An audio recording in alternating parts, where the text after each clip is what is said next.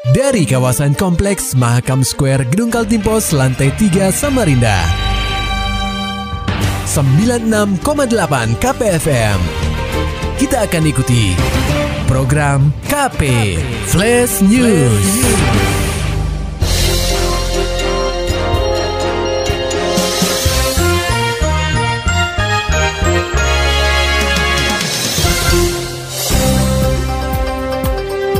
Anda sedang menyimak program KP Flash News bersama saya Agung Pratama. Berita utama. Pendengar KP, diduga beraktivitas kembali mahasiswa Universitas Islam Negeri Sultan Haji Muhammad Idris atau UINSI Samarinda akan menagih janji Polresta Samarinda untuk mengusut tambang batu bara ilegal yang berlokasi di samping kampus 2 UINSI Samarinda, Jalan Hamri Fandin, Kecamatan Lewajanan Ilir. Hal tersebut diungkap oleh Gubernur Mahasiswa Fakultas Usuludin, Adab dan Dakwah atau FUAD UINSI Samarinda, Windy Irwan Adi. Usai bertemu dengan Rektor UINSI Samarinda, Muhammad Ilyasin, pada Rabu 29 September 2021. Berdasarkan hasil pertemuan, Windy memaparkan pihaknya diminta untuk menagih janji kepada pihak kepolisian sebelum universitas turun tangan membuat laporan. Sebagai tindak lanjut pertemuan itu, Windy akan berkoordinasi dengan Dewan Mahasiswa atau DEMA dari fakultas lain dan universitas untuk membuat draft sebelum mengajukan dan menanyakan hal tersebut ke Polresta Samarinda. Ya kami akan ini membuat draft dulu, setelah itu kami mau mengajukan itu. Kami mau menanyakan, kalaupun mereka tidak bisa me menjalankan penyelidikan karena ABCD, ya kami mau melakukan pelaporan. Setelah itu kalau kalau memang mentok ya udah rektor yang bergerak hmm. sambil uh, kami tadi kami dipekani juga sih kayak gerakan mahasiswa ini jangan sampai padam karena ya mahasiswa ini ibarat itu independennya mahasiswa inilah yang bisa menjadi kekuatan tersendiri. Sementara itu, Rektor UINSI Samarinda Muhammad Ilyasin menegaskan bahwa pihaknya akan mengecek terlebih dahulu informasi yang diperoleh mahasiswanya jika memang benar, maka pihaknya pasti tidak akan tinggal diam terkait hal ini. Eh, intinya kami ini kan tidak tahu persoalan itu aslinya. Okay. Makanya begitu dikasih informasi begitu, ya saya minta cek cek kembali. Oh, okay, cek cek kembali, benarkah itu ada penambangan? Okay. Kan? Yeah. Jangan sampai nanti dikira tambang ternyata cuma pekerjaan lain.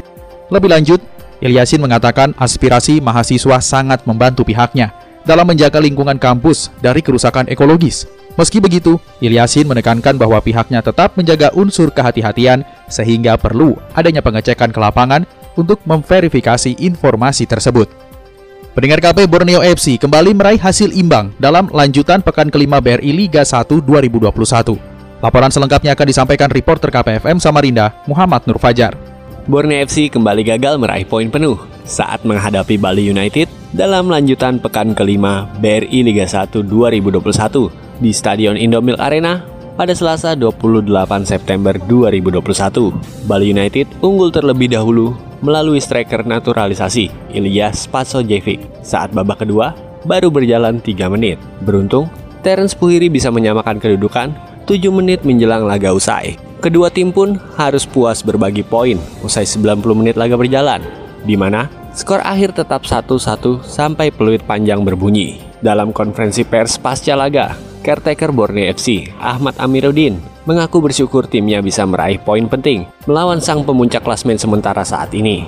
Dirinya juga mengapresiasi kerja keras pemain yang bermain Spartan hingga laga usai tapi karena sudah targetnya satu ini satu poin yang patut disyukuri uh, karena pertandingan yang sangat menegangkan gitu ya. Apalagi yang terjadi di awal babak itu. Kami kecolongan uh, karena kenapa? Karena kami harus mengganti pemain uh, defender kami Wildan ada minta ganti karena dia bermasalah di paha. Terus sisiran juga sedikit uh, kelelahan mungkin dia harus ganti. Jadi kami langsung mengganti pemain. Itu yang problem pertama di situ. Uh, jadi pemain pengganti mungkin belum siap ya. Uh, mungkin maksudnya belum siap untuk langsung on dengan tim. Makanya kita kecolongan tapi alhamdulillah anak-anak kerja mau kerja terus uh, ternyata bisa bikin gol yang kedudukan dan patut patut disyukuri atas hasil imbang ini Borneo FC harus puas menempati posisi 9 klasmen dengan raihan 6 poin. Sementara itu, Bali United masih kokoh di puncak klasmen BRI Liga 1 2021 dengan raihan 11 poin. KPFM Samarinda, Muhammad Nur Fajar melaporkan. Pendengar KP, penyebaran COVID-19 di benua Etam, julukan Kaltim dilaporkan melandai. Menurut data yang dikeluarkan Satgas COVID-19 Kaltim pada Minggu 26 September 2021, kasus terkonfirmasi positif bertambah 76 orang. Angka itu cenderung menurun pada Senin 27 September 2021 dengan penambahan kasus sebanyak 74 orang. Begitu juga pada Selasa 28 September 2021, orang yang terjangkit virus corona ada 68 kasus. Sehingga jumlah orang yang terkonfirmasi positif COVID-19 di Kaltim sejak diumumkan pada Maret 2020 hingga Selasa 28 September 2021 sebanyak 156.660 kasus. Sementara pasien yang sembuh ada 150.064 kasus. Kemudian kasus meninggal 5.370 orang, menyisakan 1.226 pasien yang masih dalam perawatan. Dalam sebuah wawancara di kantor gubernur Jalan Gajah Mada belum lama ini, Gubernur Kaltim Isranur turut menanggapi penurunan kasus COVID-19. Isran mengaku senang dengan kasus yang mulai melandai. Sebab bed occupancy rate atau ketersediaan tempat tidur di sejumlah rumah sakit juga ikut berkurang. Terlebih, tempat isolasi terpusat atau isoter di beberapa kabupaten dan kota tidak lagi ditempati pasien COVID-19. Isoter apalagi sama-sama kosong sekarang, nggak ada isinya belum katakan. Di Bontang itu sudah nol, di beberapa daerah sudah nol, tidak ada lagi. Ya di Mahulu nol sudah. Isoter maksudnya, yang yang terlalu. Yang ke Samarinda masih ada sih. Gubernur Kaltim Isranur juga menghimbau masyarakat agar tidak lengah dalam menerapkan protokol kesehatan. Beralih ke dunia olahraga pendengar KP, KONI Kaltim beri bantuan kepada 51 wasit asal Kaltim yang akan bertugas di PON 20 Papua. Simak berita ini yang disampaikan reporter KPFM Samarinda, Maulani Al-Amin.